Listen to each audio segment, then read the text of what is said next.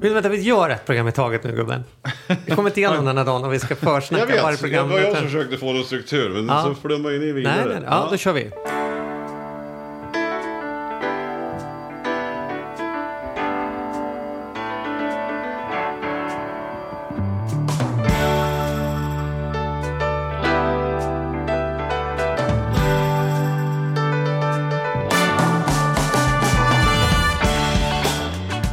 Välkomna till Ekonomi på riktigt med Charlie och Mattias. En podcast som vi gör varje vecka, år ut och år in. Det är som att om det inte vore så kul skulle man kunna kalla oss för slitvargen, Mattias. Mm, och det är snart 200. Det är snart 200 avsnitt, Charlie en Söderberg. Det är eloge till 200 veckor. Att vi har pratat 200 gånger är inte så konstigt, men att du har lyssnat 200 gånger som sitter och lyssnar nu, vilket många har, är ju Ja. fantastiskt. Ja, det är, det är helt otroligt. Och att vår lyssnarskara ökar hela tiden. Vi tackar så hemskt mycket för att ni, ni lyssnar. Och Mm. vi tackar också för alla mejl vi får och alla pepp vi får. Eh, alla öser fina in betyg vi får. Ja. Eh, när man går in på till exempel iTunes så blir vi så glada så vi, Får vi fina betyg vi där? får ju fina betyg där också. Det har jag missat. Ja, kolla. nej, men det, det, nej, men vi är så tacksamma. Ja, vad kul. Det, Och det är enda orsaken faktiskt varför vi fortsätter med den här podden. Ja, och att ha en ursäkt att träffas då kanske. Ja, men den är ändå sekundär, måste Det jag får man säga. säga. För att hade vi inte fått den här peppen och de här lyssnarsiffrorna och sådär, det är så roligt. Vad är nytt i Mattias Andersson-land? Ja, men det har gått väldigt snabba puckar. Jag tycker om när det händer snabba grejer. Alltså, jag Vadå gillar snabba projekt. puckar? Nej, men vi, vi, eh, det här vet ju faktiskt inte du på riktigt om. För vi har ju nyligen träffats också. Har du separerat nu Mattias? Nej, men jag ska separera från min lägenhet som jag ändå nyss köpte. Eller som vi nyss köpte, jag och min fru. Min fru och jag ska inte separera. Den som ni, när ni flyttade från, eh, Från Nyköping till Stockholm. Mm. till Stockholm. Jättefin med en liten takterrass där man har suttit och tagit någon öl och haft sig. Ja, Den, den ska bort. den ska bort. Den Blir det, ju- vad blir det torparliv på riktigt? Nej, nej, det blir det inte. Nej, men vi ska göra en så kallad, vi har ju pratat om det en hel del i podden genom åren, alltså Mm. med down, jag vet inte, säger man downsizing eller downshifting? Vad, vad skulle du använda för ord? Jag Eh, tycker du kan använda båda. Det finns säkert en distinktionsskillnad däremellan. Ja, men vi vi- fattar att det går ut för, nej då, du behöver Ja, inte göra det- nej, nej, men så här, det här är ju då att... Mindre att våran- admin. Mindre admin, min, våran son eh, har blivit bra mycket större och är inte hemma på alls Nej. samma sätt. Eh, våran dotter ska dra på ett utbytesår nästa år, kommer Mm. vara borta. Och sitta liksom med så, en sån stor lägenhet känns helt onödigt. Och inte minst på grund av corona nu. Att jag känner att jag har bott mycket, mycket mer på landet. Eller vi Mm. båda, vi har bott mycket mer på landet. Vi är mer där, eh, lägenheten står tom. Det känns, bara, det känns inget bra i magen att ha så stor lägenhet bara stå där. På något sätt. Kommer du ihåg att när vi skrev den där boken som vi skrev för många herrans år sedan. Ja. Så framförde vi idén om att det är lite märkligt att folk ska ha ett stort boende i en storstad. Och sen ska man ha en liten sommarstuga. Varför Mm. inte ha en, en liten finare, större, bättre sommarstuga. Och sen mer eller mindre en övernattare Det är i precis. stan. Det- Därför ja, det är så att kul. får mer för pengarna och kan njuta och liksom. Det är så otroligt kul, för det är precis så det är. Vi håller ju på nu och har insett att vi är som sagt mer på landet. Så vi håller ju på och bygger, det har vi pratat om tidigare. Vi pratar om bostads... Mm. Attefallaren och går framåt. Attefallaren går framåt. Den har fått innerväggar och den har fått eh, eh, ja, ytterpanel. Och det händer bra Mm. med grejer. Och, och då i takt. Så större stuga eh, där man kan hänga och vara mer. Mm. Och mindre lägenhet. Så att Men är det den gröna vågen vi ser här? Att det kommer bli liksom mera trätofflor och egna grönsaker också? Eller är det bara man vi ser- flyttar ett rum från, från söder till eh, liksom... Ja, vi flyttar egentligen två rum. Ja. Alltså från en femma till, har vi skaffat oss en trea. Ja, det nya är klart och färdigt? Ja, det blir. precis. Ja. Ja. Ja. Eh, den är klar och det var lite den också. Den ligger precis där vi ville ha. Men, ja, men så är det, du vet, Mm. jättebra förening, låg skuldsättning, alltså noll skulder i föreningen. Mm. Och, eh, och, sådär. och då var det lite kul därför att, att det som är ännu roligare för att knyta ihop den här säcken är att dagens gäst, som ni vet är Arturo, eh, ringde jag också till. För jag, jag vet ju din inställning till det här Charlie. Jag är ju för mindre admin generellt sett. Ja, och för, liksom, Let it go. det är du som är gröntofflan. Ja. Det, Ja. du, är, det är, så här, Ja. Mm. du är ju den. Och så vad jag skulle få för svar på den visste jag inte. Så jag ringde faktiskt helt sonika i helgen, i lördags. Eh, säg lite man ändå ringer en, en toppbanktjänsteman en lördag. Men jag kände att jag ändå kunde göra det. Och, Mm. eh, och, och fick svar så trevligt. Och bollade det. Det var liksom Arturo som fick bägaren att rinna över att vi skulle sälja. Eh, mot att inte sälja. För att det jobbiga var att han gav ju argument för båda sorterna. Ska vi säga. Så att Men, men det, vi tog ett snabbt beslut. Och nu när vi sitter här Men nu så är det ju alltså... snabbt? Det måste ju gått alltså bara på två dygn då liksom? Ja, det är två dygn. Det är precis två dygn. Åh, jävlar. Men som sagt, vi hade ju Ja, då är det, då är det förlåtet att jag inte känner till detta. Vi har ju inte haft Ja, chans nej men det. eh, två dygn. Två dygn. Ja, jädrar. Så där är vi. Och varför inte? Nej, Men så det är ganska intressant. Och det, det är ju faktiskt inte därför heller vi bara ska prata bostäder idag. Men det är ju klart ett intressant ämne. Därför att det, som Arturo och jag pratade om i helgen var en enormt intressant undersökning som Arturo kommer att berätta om nu. Så att nu kör vi den här formella att vi välkomnar in Arturo, Arturo Arquez!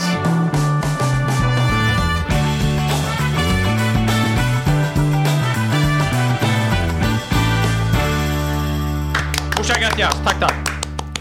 Det ska vara Arturo, vet jag. Ja, på spanska säger man Arturo. Men ska man uttala namn på...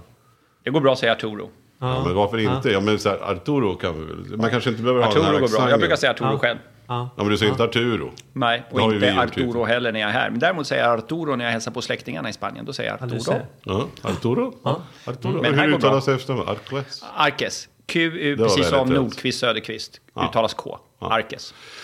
Men du, vad tyckte du om mitt? Du, du, du, tyckte du att vi resonerade rätt när jag ringde till dig i helgen? Absolut. Sen är det ju som alltid att eh, det är de här mjuka frågorna som är de, kanske de viktigaste. När eh, till exempel Fastighetsbyrån som är Sveriges största eh, fastighetsbyrå eller mäklar, fast, fastighetsmäklare, så ska jag säga, så göra eh, sina enkäter och också sina SIFO-undersökningar kring vad som styr valet av bostad eller om man ska köpa eller sälja och sådana här saker. Så är det ju i första hand behoven. Eh, skilsmässa, klassiskt, då behöver man kanske skaffa sig en mindre bostad. Skaffa barn, ja, då behöver man skaffa större. Det är inte svårare än så. Så att behoven är det som styr i första hand. Och sen naturligtvis eh, storleken på plånboken. Och eh, bostadspriserna är ju jättemycket en funktion av var i landet man bor. Så det är en, oftast en geografisk fråga. fråga. Bor man i Stockholm, jättedyrt. Bor man i Borlänge, betydligt billigare. Men det Mattias gör här nu då, om man tar avstamp i det, nu är inte detta något läxför på Mattias-grejen, men jag, jag, jag kan ju komma på mig själv när det gäller trender att jag tror att jag har tänkt en originell tanke. Du vet, som så här, man tänker så här, fan jag ska nog ha mer lila hemma. Och sen så öppnar man en inredningstidning och så konstaterar man att jag är lurad. För jag har gjort det exakt alla andra har gjort också. Liksom. Det är tydligen någon trend. Är Mattias eh, gröna vågen här, är det någonting som han har hittat på alldeles själv? Eller är han en del av en trend med downsizing, runt shifting, eh, gröna vågen-grejer? Ja, liksom? downsizing eh, i sig tror jag inte nödvändigtvis. Utan vad, vad, vi ser, eh, vad vi ser, det är att eh, inte minst corona och ökade möjligheter till distansarbete har fått folk att tänka om. Eh, Och tittar man på till exempel en undersökning som Hemnet gjorde för inte så länge sedan så ser man också att man uppskattar inte lika mycket eh, att bo centralt som man gjorde tidigare. Det är fortfarande populärt men inte lika populärt som tidigare. Man uppskattar trädgård mer nu än vad man gjorde tidigare Eh, och man uppskattar ett, ett extra rum eh, som man kan inreda till exempel som ett arbetsrum.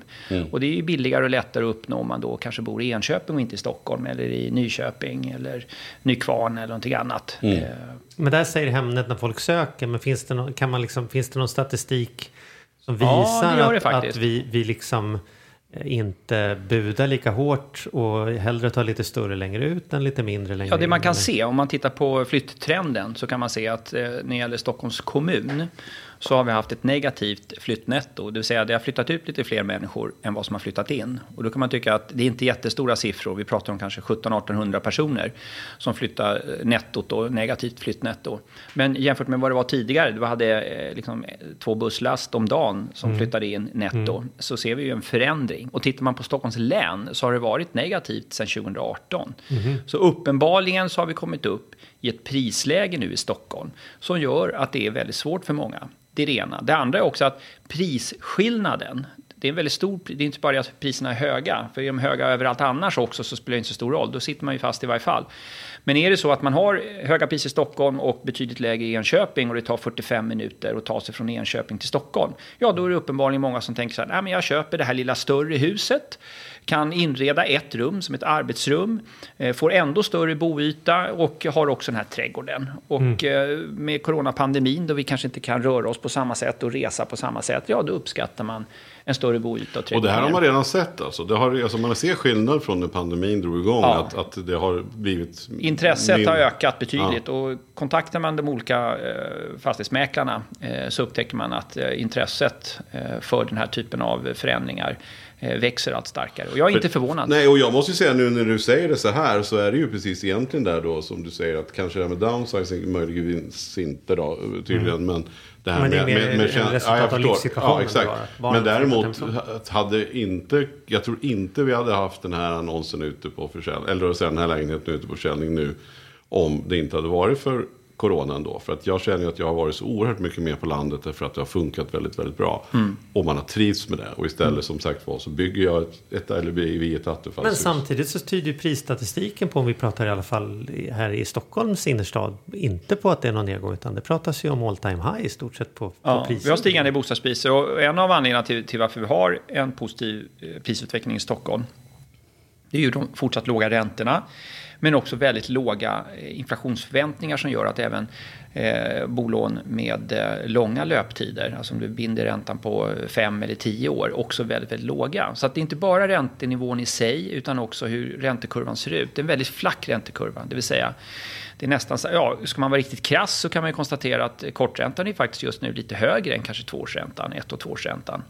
Så man kan säga om man för några år sedan hade köpt en lägenhet för sig, hitta på nu då, 6 miljoner. Mm. Ja, Och då är det så här, ja, vi har råd med den idag, men vad händer om räntan går upp till det dubbla? Ja, då är det tufft för oss att sitta kvar. Idag Ja. säger man så här, vi kanske har råd med 10 miljoner, för vi vet vad räntan är de kommande 10 åren. Det kommer inte fördubblas hur fan vi än gör. Vi kan till och med skriva papperna billigare en dag som gör att vi vet exakt vad det kommer att kosta oss Ja. i 10 år att bo framöver. Och det är en trygghet Och då kan man att ta veta. ett högre pris, för man har liksom ingen fall i den Nej. ändan. Och jag tror att det är viktigt att komma ihåg eh, överhuvudtaget, just när man, för det är den ständiga frågan, ska man binda eller inte? Och, och svaret på den frågan beror ju på två saker. Dels vilken riskvilja du har, alltså hur mycket du vill gamla med din boendekostnad. Och hur känslig din ekonomi är för förändringar på, i boendekostnaden. Jag menar, ta två ytterligheter. Är det så att man har, eh, vilket många har idag då, en väldigt hög skuldsättning, både i relation till bostadens värde men också eh, inkomstens storlek.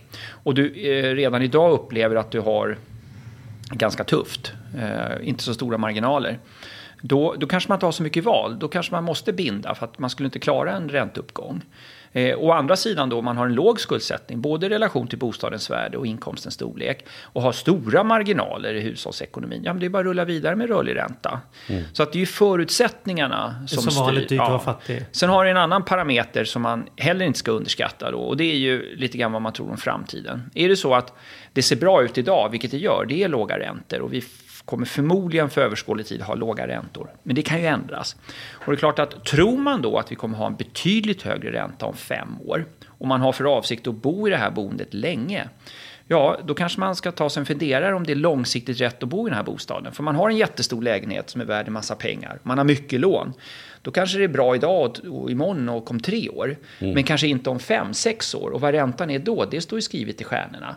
Och då kan det vara bra att tänka efter före och göra någonting åt saken nu. Därför att den dagen vi vet att räntan är på väg upp, då har ju redan priserna reagerat. Och då är För det det är väl ändå så någonstans, det har vi pratat om många gånger, men just nu det som pågår är ju ändå att det är en, det är en, det är en konstgjord ränta. Det kan man väl bara vara överens om. Att det här har man ju gjort åtgärder för att vi verkligen ska kunna fortsätta Aldrig någonsin fart. tidigare har man stimulerat eh, så mycket Nej. som man gör just nu. Och nu med anledning av corona så gör man ju det även via finanspolitiken. Så det är inte bara centralbankerna världen över som har stimulerat extremt mycket och tryckt ner räntan till de nivåer vi har idag. Vad den verkliga räntan skulle vara idag om man inte hade de här QE och den här aktiva penningpolitiken med att trycka ner räntan. Det vet ingen, men den är ju förmodligen, jag, ska, jag vet inte om jag vågar använda ordet betydligt högre, men högre då än vad den är idag. Normalt sett så har man sett att vi har en rörlig ränta på 2 Ja. Och sen så säger man men om du binder den på 5 år, Ja. då får du betala 3% 1% är liksom Premie. vad du får betala för att du vet vad det blir. Ja. Och sen är det jävligt billigt, då är det så att det är, istället för 2 är det 2,20. Men nu då, istället för 2 är det 1,80. Det är liksom, man får till och med betalt för att man binder den. Liksom, vad, vad, vad, vad kan man dra för slutsatser av det? Vad säger det för en vanlig människa om förväntningar på räntan? Mm. Säger man så här, det är lågt men det kommer högst troligen bli ännu lägre. Det är därför du får så otroligt. Det där brukar man, se, det där brukar man kalla för en inverterad räntekurva. Eh, och eh, sånt brukar man se i perioder när man tror på en kraftig konjunkturnedgång. Och det är precis det vi är mitt uppe i just nu. Så att det är inte unikt, det är ovanligt. Mm. Eh, det är för, därför att det är otroligt sällan vi, Jag har aldrig under mina 35 år varit med om en sån kraftig nedgång i BNP på så kort tid. Aldrig någonsin under mina 35 år. Och, så, så att liksom det, I det perspektivet så är det inte så konstigt att vi har en inverterad räntekurva, för det har hänt förr. Mm. Vi tror att konjunkturen ska gå ner och vi tror på ökad arbetslöshet och så vidare. och så vidare. Sämre sysselsättning. Men jag har ju svårt att tro att det här kommer vara för evigt, utan förr eller senare kommer naturligtvis konjunkturen att vända och vi ser redan tecken på det. Och vad vi kan konstatera var att, eller är att eh, nedgången inte blev så djup som många trodde. Och att återhämtningen har gått Och att återhämtningen, precis. Och det är ju inte ovanligt heller att återhämtningen, det är, så, det är alltid så när man blir rädd, då tar man i. Mm. Eh, liksom, så då, just därför att man är rädd för att förlora pengar och så tar man i lite extra och sen är det många som tror att eh, konjunkturnedgången kommer att bli större än vad den faktiskt blev. Det ser vi tecken på idag. Och återhämtningen brukar också överraska positivt. Eh, så att jag menar, det kan gå snabbt åt andra hållet. Och då kan ju räntan behöva justeras, kanske. Ja. Det är så roligt, alltså jag, bara, jag sitter och ler här. Det är så kul att vi båda, när, när Arturo har, är, är lite klar, då hugger vi. Båda två sitter som två fågelholkar med munnen öppna och vill hugga för att vi älskar det här. Och så, sen undrar folk varför vi har en podd om ekonomi. Ja, ja. Det finns ju inget roligare, förstår ni inte det? Eller det, det är det lyssnarna förstår, hur roligt mm. det är att snacka pengar. Mm. Äh, jag vill bara säga det, det är så kul för att man, man bara sitter här. Men jag måste bara gå, gå mm. tillbaks. Mm. Eh, nu ler vi, för att, mm. och det gör vi av många skäl. Vi har mm. trevligt här och så. Men jag kommer faktiskt inte glömma, jag tog upp det för någon podd sen också. Men när vi poddade i slutet på februari, början på mars. Mm. Eh, jag minns vi satt i Charlies studio då. Eh, och jag, jag, ser en bild framför mig när vi stängde av micken. Och du vänder dig ner mot din dator och sa att jag är djupt oroad över, över börsen. Mm. Alltså du, du, du, jag, var så här, jag fick en sån här kall kår hela mig. För du är alltid på gott humör, ser det positiva i saker. Men då, när vi skildes åt den gången, där, ja. när då i början av mars, mm. då såg du fan inte munter ut. Nej, jag var men bekymrad. Någon, ja, men av någon anledning så, mm. hur kommer det sig att vi har klarat det här så bra då, ändå? Att bostadspriserna, för det kände ju jag ju då, jag hade inte bestämt mig alls för att vi skulle sälja vår lägenhet, men jag hade ju någonstans att snart kanske. Och då var man ju ändå så här, hur, det här kan ju bli nattsvart nu. Alltså mm. coronan, det så här, börsen rasar, bostadspriserna tänkte jag ju skulle ha, följa med. Och, men mm. det vi ser nu, all time high på börsen, mm. all time high typ på bostadsmarknaden. Mm. Och det har bara gått ett halv och vi är fortfarande inne i någon slags andra våg. Mm. Men ändå så, så, slår vi liksom de här positiva stora rekorden. Mm. Vad beror det på? Ja, det är många faktorer. Och det ska vi vara glada och tacksamma också för. Ja, det är vi. Eh, eh, om vi går till oss själva och våra egna plånböcker, om vi tittar på hushållen som en viktig del. Om vi börjar med Sverige, för att ta ett exempel. Sverige är ett litet exportberoende land. Eh, vi är beroende av hur det går i vår omvärld. Går det bra för vår omvärld, alltså globalt sett, då går det bra för Sverige. Och går det bra för Sverige som nation med stor exportinriktad industri till exempel, då trillar en och annan krona ner även i hushållens plånböcker. Så då går det bra för oss hushåll också. Så det är bra. Eh, går det däremot dåligt för vår omvärld, eh, då är det tufft för svensk industri, i synnerhet vår exportindustri, som är stor och viktig för svensk del. Ta några exempel på och, de stora. Ja, ta. SKF, Sandvik, Atlas, ABB. Det finns många eh, bolag, internationella bolag som, som får problem. Då, då. Skogsnäringen, samma sak. Och det är klart att med lägre skatteintäkter så, så, och med det skatteuttaget vi har i Sverige, vi har en ganska hög skattekvot eh, jämfört med många andra länder. Då betyder det att när det det går bra, då rasslar det in pengar rejält i statskassan. Och när det går dåligt, ja då kommer inte in lika mycket pengar. Så att vi har som en liten hävstång i, eh, i, i, liksom, i Sveriges ekonomi. Och det är klart att eh, i dåliga tider så behöver man hålla hårdare i plånboken och strama åt och då påverkar det oss hushåll. Och det vi har sett nu då när konjunkturen faller så kraftigt globalt också, eller framförallt globalt, och då påverkar det oss. Nu har vi relativt sett klarat oss hyggligt bra av olika skäl. Stark exportindustri, kronan har tidigare varit svag och hjälpt oss en hel del. Och vi har också haft en, en eh, och det får vi nog säga, en hyfsat stark och eh, eh expansiv eh, finanspolitik. Det har gjort att man har försökt mildra effekterna för oss hushåll så att vi kan hålla uppe den privata konsumtionen. Och den privata konsumtionen står för 40-45% av BNP. Det är mycket. Och eh, den privata konsumtionen är viktig och det är därför man, eh, och nu med liksom de här skattesänkningarna som vi har haft, eh, hushållen har de senaste 15 åren haft en god inkomstutveckling. Idag så har ju hushållen större marginaler generellt sett än vad man hade på 90-talet och kanske början på 2000-talet. Så för att svara på frågan, varför har vi inte drabbats lika mycket som i tidigare kriser? Ja, dels så kommer vi från en nivå där hushållen har stora marginaler och tål förändringar. Det är, det är en viktig orsak. En annan är att vi har haft en väldigt expansiv penningpolitik. Man har tryckt ner räntan som du var inne på tidigare. Som gör att vi har låga boendekostnader relativt sett. Och vi har också haft en väldigt aktiv eh, finanspolitik. Höstbudgeten till exempel. 105 miljarder. En höstbudget brukar uppgå kanske till 30 35-40 miljarder. Alltså 3-4 procent av, eh, av statsbudgeten. Statsbudgeten är ungefär på 1000 miljarder och BNP på 5000 miljarder. Så någonstans mellan 35-40 miljarder brukar den ligga på. Dubbelt så stor höstbudget alltså. Där man då ger ungefär hälften till offentlig sektor Eh, kommuner, regioner som det heter. Och de andra 50 procenten då går till lika delar då till hushållen och till eh, företag eller företagare. Så att man har stimulerat väldigt, mycket. Och sen ska vi också tacksamma för att vi har ju haft, haft tuffa kriser. Lehman-krisen där 2007-2008, eh, IT-kraschen 2000, fastighetskrisen 90-talet eh, där. Eh, vi har ju en riksbank som har lärt sig en hel del. Vi har politiker eh, som har lärt sig en hel del. En hel del. Och idag så samordnar man de här aktiviteterna och har lärt sig vilka metoder som funkar bättre än andra. Men, tror du att det är bara funktionen av att det funkar bättre? Jag var och lyssnade på en en, en chef på en konkurrerande bank mm. till dig så sent som förra veckan de sa det, att det var frapperande hur alla politiker har fått leva med det här. vi får inte spendera pengarna, det är viktigt att vi är sparsamt och man håller inte på och mm. icke-finansierade förslag och grejer. Ja. Och sen är plötsligt är corona upp och sen så var det liksom fest. Miljöpartiet kunde få lägga in sina grejer och sossarna kunde få lägga in sina andra. Det var mm. liksom lite när katten är borta dansar åt. Helt plötsligt så fick man liksom en premie för att nu inför vi allt det där som vi egentligen vill införa men vi inte fick för vi skulle snåla. Nu helt mm. plötsligt kan vi säga att det här gör vi som coronaåtgärder. Mm. Där man kan fråga, är allt detta egentligen coronaåtgärder eller egentligen en ursäkt för att få liksom så här, göra de satsningar man egentligen man vill. vill. göra? Alla, alla, politiska partier eh, har ju eh, sin uppfattning över vad som är en bra fördelningspolitik och politik handlar just om att fördela resurser.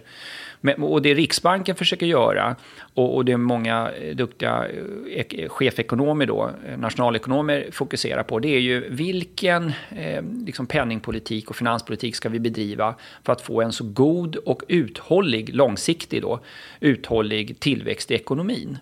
Och så kan politikerna bråka om sen hur det där ska fördelas. Liksom, det är ju det som är utgångspunkten. Därför har man bland annat tyckt liksom att ja, 2% inflation, det är ganska bra måttstock, tror vi, för att få en uthållig och god tillväxt i ekonomin. För att ta ett exempel då, då. rätt eller fel. Men det är lite så man tänker.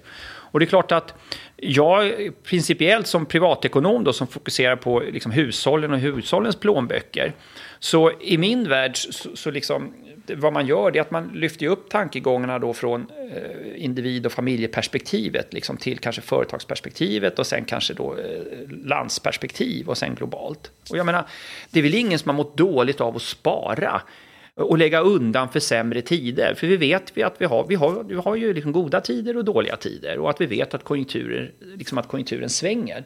Och det är klart att precis som en familj behöver spara regelbundet för oförutsedda utgifter eller spara för att man någon gång ska göra en investering så är det ju inget undantag när det gäller företag. Eller om det gäller ett land också.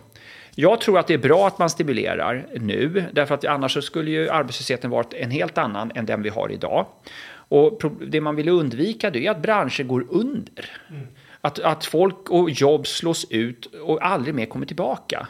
Så att jag, jag eh, samtidigt så tycker jag att man ska hålla hårt i plånboken eh, liksom i goda tider. Eh, och det är ju lite jobbigt då om man är politiker och har en massa väljare som... Och... Men, men är det här en strategi då också rent så här mentalt? För att, att man man håller masken lite grann för att man kan göra det och vill inte att folk ska bli oroligare än vad de behöver. Och, och som, så att alla får känslan att det är klart vi handlar på börsen, vi ser att det går jättebra. Det är klart vi köper en ny bostad för vi märker att nu är det full fart på, på marknaden jag igen. Skulle, jag skulle svara så här. Om, om, lek med tanken att du och jag var ministrar. Mm. Eh, och, och, du var finansminister och jag var socialminister.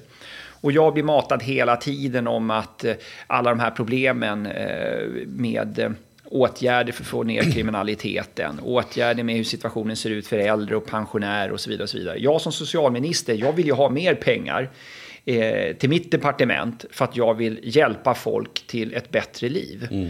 Och du som håller i plånboken, du tänker naturligtvis, ja men jag kan, vi kan, ett, vi måste se till att budgeten är i balans. Mm. Två, eh, vi, vi måste lägga undan lite till sämre tider och så vidare. Och så, vidare. så att vi har olika perspektiv. Så även om vi skulle vara i, eh, ministrar i samma parti så tror jag att även du och jag skulle ha ganska heta diskussioner för hur vi ska förvalta liksom, vårt förtroende och, vårt, och vår budget.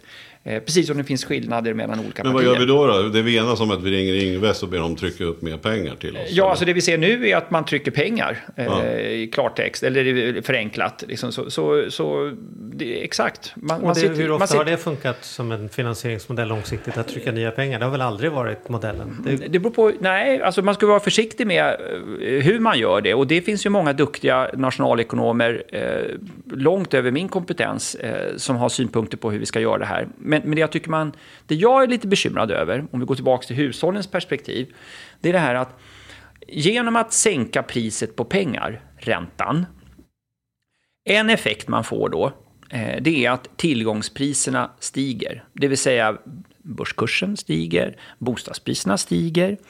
Eh, och, och vad det innebär då, det är att när vi går och köper bostäder så måste vi låna ännu mer. Så hushållens höga skuldsättning idag, det är ett resultat av de höga tillgångspriserna, bostadsmarknaden till exempel. Och det är klart att eh, Idag är det inget problem därför att räntan är så himla låg. Men vi har ju en ränterisk eh, som inte syns ännu hos många, men som man måste vara medveten om. Det vill säga i händelse av att räntan går upp, då är ju boendekostnaden någonting helt annat. Och med så hög skuldsättning som vi har idag så behöver inte räntan gå upp särskilt mycket för att boendekostnaden ska stiga radikalt. Det är det som är risken. Så att även om sannolikheten för högre ränta inte ökt, ökat Eh, Och eh, så har konsekvensen i händelse av att räntan stiger eh, blivit mycket, mycket större. Och det är det som är det är som jag brukar säga. Risk är inte att börsen går upp eller ner, det är avkastning. Utan sannolikheten att börsen går upp eller ner och i händelse av att börsen går ner till exempel, då, vad kan hända i värsta fall? Det är det som är risk och det är det vi behöver titta på. Så sannolikheten att eh, räntan ska gå ner, den kanske är lika låg som tidigare, kanske till och med lite lägre. Förlåt, att räntan skulle gå upp är eh, kanske inte så hög eh, och kanske lite lägre än vad den var tidigare. Men i händelse av att den går upp så kommer konsekvenserna nu bli mycket större än vad de var tidigare. Så folk är mer räntekänsliga, det är där risken ligger. Och eftersom boendet är den enskilt största utgiften hos hushållen så är det här ingen oviktig fråga. Och skulle räntan gå upp med låt säga 2-3 procentenheter, då är det många hushåll som skulle få en helt annan boendekostnad. De skulle förmodligen ha råd med den boendekostnaden, men, många av dem, de allra, allra flesta, men till priset av att vi stryper annan privat konsumtion. Vad händer då med alla andra detaljhandelsföretag som säljer kläder eller skor eller resor eller vad ni vill? Vad händer med dem? Det är det som är bekymret. Och återigen, hushållen står för ungefär 45 procent av BNP. Det är en viktig, viktig faktor i samhällsekonomin, hushållen. Men då tänker jag ändå så här med boendet då, eftersom vi ändå snackar om boende. Mm. Eh, så tänker man att det här har ju generellt inte gemene man koll på. Precis allt det här som, som, som vi sitter och resonerar om. kanske inte går så djupt. Utan man, Mm. Går, man tänker att jag skulle vilja ha en bostad och sen går man och pratar med sin bank. Är, är bankerna då så jädra duktiga på att sälja pengar eller släpper igenom eftersom bostads, jag menar till och med i Stockholm då, vi ser Faktum är att urbaniseringen, eller de, urba, jag vet inte vad man säger, anti-urbaniseringen har aldrig varit så stor. Ruralisering heter Ja, det. ja, ruralisering, inte det enklaste är det ett ordet. ord, Ja. ja. det är så ruralisering. ovanligt så vi har Ja. inte ens Nej, precis. ordet. Precis. Ru- Ruraliseringen Lisering. Ja, ja. är ett faktum för första gången på hundratals år I Stockholm. i Stockholm. Ja, det har nog hänt Ja, eh, också. oftare än hundratals år. Men eh, vi ser en 70-talet trend eh, nu i varje fall att eh, urbaniseringen, trend, den här urbaniseringstrenden kanske är slut för den här gången. Ja, ruraliseringen menar du? Ja. Eh, fan, eller- ja, det var jag har aldrig hört det ordet hela Ja, ruralisering. Ja, ruralisering. Motsatsen till Just urbanisering. Vi ser den och det, vi går in i någon slags andra våg. Det Ja. är ganska skört. Presidenter håller på här. Yes, Brexit, här, ja. LAS-förhandlingar. Och vi vet att vi sitter med en konstgjord ränta egentligen. Ja. Mm. Och ändå så är det då all time high på bostadsmarknaden i en redan överhettad marknad i Stockholm. Mm. Vad, hur, hur, jag får liksom inte bara ihop det riktigt. Hur, hur kan det pågå då? Ja, det skulle kunna pågå teoretiskt sett eh, länge till. Har vi en låg ränta och det saknas alternativ eh, till... Eh, alltså alternativavkastningen till börsen Jag tänkte säga det. Eh, oftast är ju inte- räntan. Och Ja. jag menar, om räntan då är noll på sparkontot, då drivs ju många naturligtvis att lägga in pengarna på börsen. Och där är jag också lite bekymrad ur, ur ett hushållsperspektiv då, eftersom Eh, Eh, tittar man på hushåll generellt sett, om man tittar på hushållens riskvilja, så kan man konstatera att en normal riskvilja hos en privatperson motsvaras av en portfölj som består till hälften av aktier och hälften räntebärande. En sån portfölj har historiskt sett uppvisat en avkastning på ungefär 6 6, ja, ganska precis 6 eh, till en viss risk. I det här fallet då, jag vet inte om jag ska uttrycka det korrekt, så är det 10% volatilitet. Och vad betyder det där då? då? Ja, det betyder att eh, Eh, om du har en sån portfölj så, så kommer upp och nedgångarna i en sån portfölj motsvara ganska väl vad en privatkund eh, generellt sett skulle kunna acceptera. Det vill säga att i snitt så får jag 6% men i värsta fall kan man inte ut, utesluta ett enskilt år att jag förlorar 20% Det kan jag stå ut med. Men, men om då räntan är så låg som den är idag på sparkontot, då tänker folk så här, om, om jag ska få 6% avkastning som man har fått historiskt, då, då räcker det inte med hälften aktier, hälften ränta. För att en sån portfölj idag kanske har en förväntad avkastning på 6% Så om jag ska behålla mitt avkastningskrav på 6 då måste jag öka andelen aktier, kanske till 70-80% aktieandel. För att kunna få de här 6% i snitt per år. Problemet är att en sån portfölj har inte samma risk som en portfölj som har hälften aktier och hälften ränta. Och, och det är där som jag blir lite bekymrad som privatekonom då, att väldigt många idag är lite giriga då och, och liksom sänker inte sitt avkastningskrav trots att inflationen har kommit ner och, tr- liksom, och trots att vi har den situationen som vi har, utan man vill gärna behålla sina 6 i avkastning. Pris man får betala då är att ta en högre risk. Och det är klart att då gäller det att vara medveten om det. Och det såg vi här i februari-mars. Jag var lite orolig i, i början på året som du sa. Därför att jag har ju sett hur många då har ökat sin aktieandel. Dels berodde det på att börsen gick upp 35% 2019. Och normalt sett så ska man ju då se över sina placeringar. Vi kallar det för rebalansering. Alltså att, att okej, nu har jag en högre andel aktier för att börsen har gått så himla bra och säljer efter att det har gått upp. Det brukar vara en bra taktik att sälja efter att det har gått upp och köpa efter att det har gått ner. Och då tänkte jag så här, wakey wakey, liksom, kolla nu, 35% uppgång, inga träd växer till himlen, se över dina placeringar innan det är för sent. Plus att vi såg då all time high och allting annat då, och corona, och då tyckte jag att se över din portfölj. Och vad hände då? Då blev vi folk helt plötsligt jäkligt riskmedvetna. Och vad hände då? Jo, börsen föll jävligt kraftigt. På kort tid så föll den liksom 18-19 procent. En, en sån här vardagsmatematisk matematikspaning som Ja. jag har gjort. Det att när jag gick hit idag för att podda så passerar jag ju en hel del butiker som har slagit igen. Det är många liksom, butiker som gapar tomma. Då tänker jag ju att det lär ju flytta in kontor där då, om det inte kommer nya butiker. Säg att 5% av, av kontorsfolket flyttar ner till gatuplan istället. Det är ju liksom trevligt och man kan sätta logotypen i fönstret och lite sådär va. Då blir ju 5% av alla kontor tomma. Dessutom så har vi en, en kultur där folk jobbar hemifrån och man pratar om att det kommer nog folk fortsätta med även efter corona. Säg att alla som jobbar på kontor i snitt är hemma en dag i veckan mer. Ja, då är det ju 20% av kontorsytan. Då är vi uppe i 25%.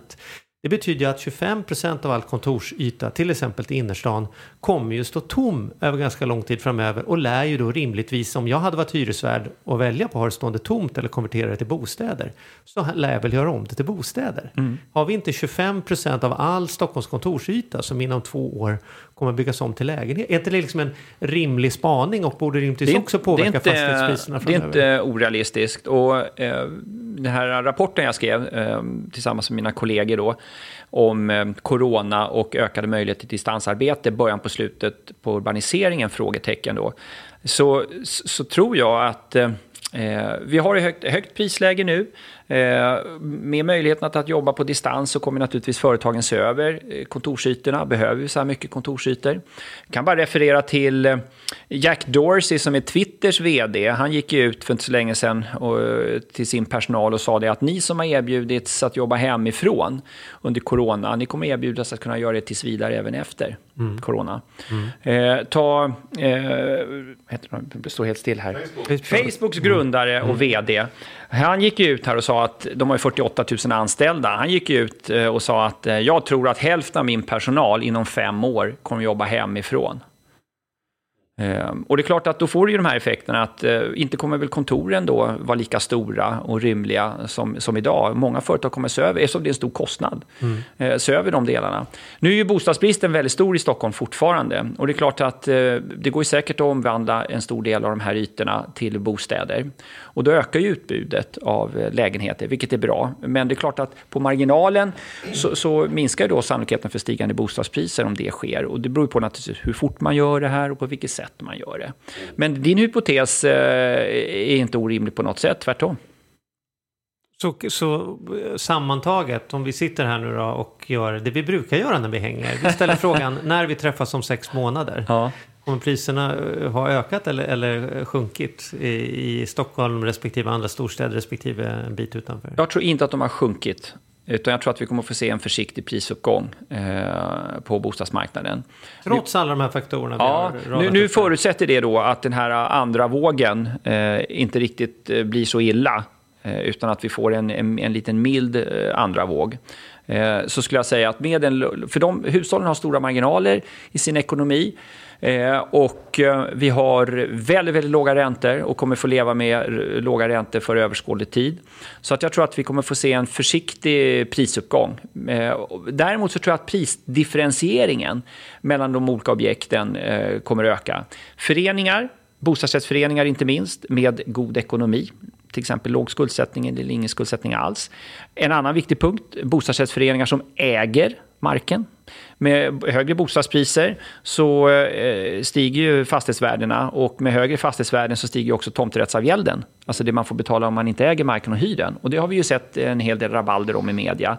Kring att många inte har tänkt på det höjs var 20 eller var 50 år eller någonting så plötsligt kommer man från att betala några hundra till att betala någon Till miljon, massor, liksom. precis. Ja. Och bor man i Stockholm, Göteborg, Malmö med höga eh, fastighetspriser så, så, skulle jag som eh, köpare av en bostadsrätt ha det som ett av mina viktigaste kriterier.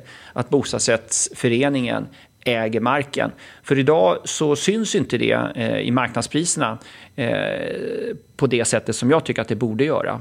Generellt sett är väl i föreningens ekonomi, i föreningens status eh, underrepresenterad ja, i, i, högsta grad. I, i, högsta grad. Så jag tycker att, eh, jag tror att bostadsrättsföreningar som är mm, liksom skuldfria eller har en låg skuldsättning och har ett ordentligt sparande för framtida renoveringar, mm. eh, äger marken är sådana som jag tror kan ha en, en, en större prisuppgång, eller alltså mer, snabbare prisuppgång än föreningar som inte kan uppfylla de där rekvisiten.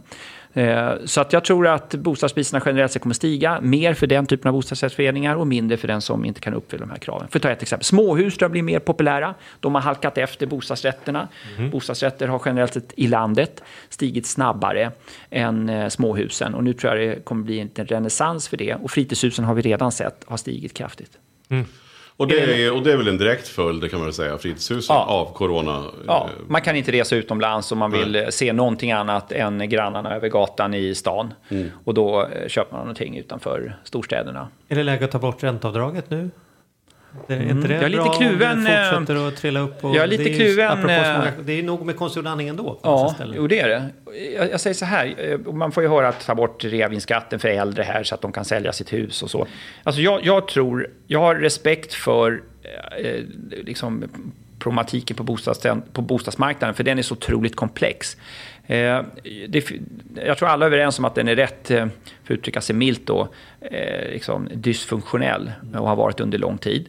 Men eh, man ska ha respekt för eh, eh, liksom problemen och eh, alla de här problemen hänger väldigt ofta ihop och är extremt komplexa. Skatter hänger ihop med mycket eh, liksom med regler, med eh, geografiska faktorer och allting. Det är inte lätt. Jag skulle vilja se en stor reform där man tar allt i ett och samma skop. Så skulle jag säga. Jag tror att det är fel att bara ta bort ränteavdragen i sig och inte göra någonting annat. Eh, och eh, omvänt, eh, införa... Alltså, tar man bort ränteavdragen, på marginalen så kommer det trigga priserna ännu mer. Och det är det sista vi behöver idag. Åtgärder som triggar priserna. Samtidigt ska vi inte vara eh, liksom helt... Eh, alltså vi får inte glömma bort att ränteavdragen har ändå en viss betydelse för vissa. Det kanske inte är så stor nu när räntan är låg. Men den dagen när räntan är hög, då kan den ha rätt stor betydelse för hushållens ekonomi. Det är klart, då kan ju du säga, att, Charlie, att ja, men då kan vi väl återinföra den då om det skulle bli ett problem. Ja, nu är ju 30 procent rakt in i bankens ficka egentligen i onödan. Som vi hade kunnat justera ner priserna istället så hade vi alla alltså på lång sikt, så. det bästa för de unga för att ta sig in på bostadsmarknaden, det är ju om priserna är lägre. Mm. Ja. Mm. Eh, men säg det till den som precis har köpt sin bostadsrätt till mm. de här priserna. Mm. Hen vill ju inte gärna se att priserna går ner. I synnerhet inte om man belånar sig till 85 procent. Det är klart. Och därför måste vi ju, tycker jag, då, då ta vårt ansvar och, och häva uppgången i alla fall. Liksom ja. så att det är väl ingen som behöver bråka om, om nej, det. Eh, nej, precis. Men det är lättast. går det upp 20% på två år, då är, glöms det bort. Så tycker man det vore hemskt om det ja. plötsligt gick ner 20% trots ja. att det är precis samma som gick upp förut. Och det är det som gör det hela så komplext. Och som sagt, jag tror att fastighetsskatten, ränteavdragen, lagfart, stämpelskatt, eh, kommunalskatter. Det finns otroligt mycket som hänger ihop med eh, bostadspriser. Att jag tror att man behöver se över alla de här bitarna. Och jag tycker också att man behöver som politiker se till att tillgången på mark ökar så att det går att bygga.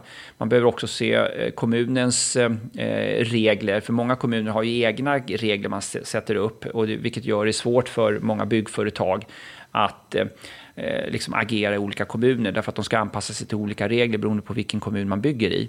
Så det finns otroligt många frågor som man behöver gå igenom. Jag tror att det är bra om man gör det i, eh, liksom, samtidigt mm. innan man gör någon förändring. Ja, vi får väl se om vi lever när någon politiker vågar ta tag i det där på allvar.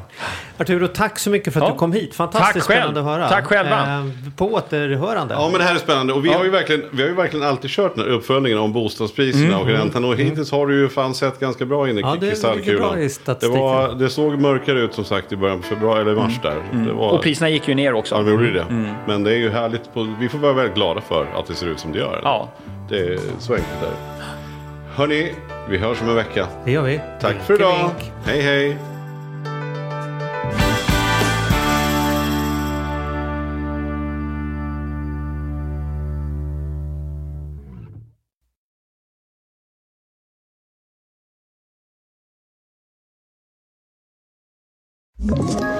Ett poddtips från Podplay. I fallen jag aldrig glömmer djupdyker Hasse Aro i arbetet bakom några av Sveriges mest uppseendeväckande brottsutredningar går vi in med hemlig telefonavlyssning och, och då upplever vi att vi får en total förändring av hans beteende. Vad är det som händer nu? Vem är det som läcker? Och så säger han att jag är kriminell, jag har varit kriminell i hela mitt liv men att mörda ett barn, där går min gräns. Nya säsongen av Fallen jag aldrig glömmer på Podplay.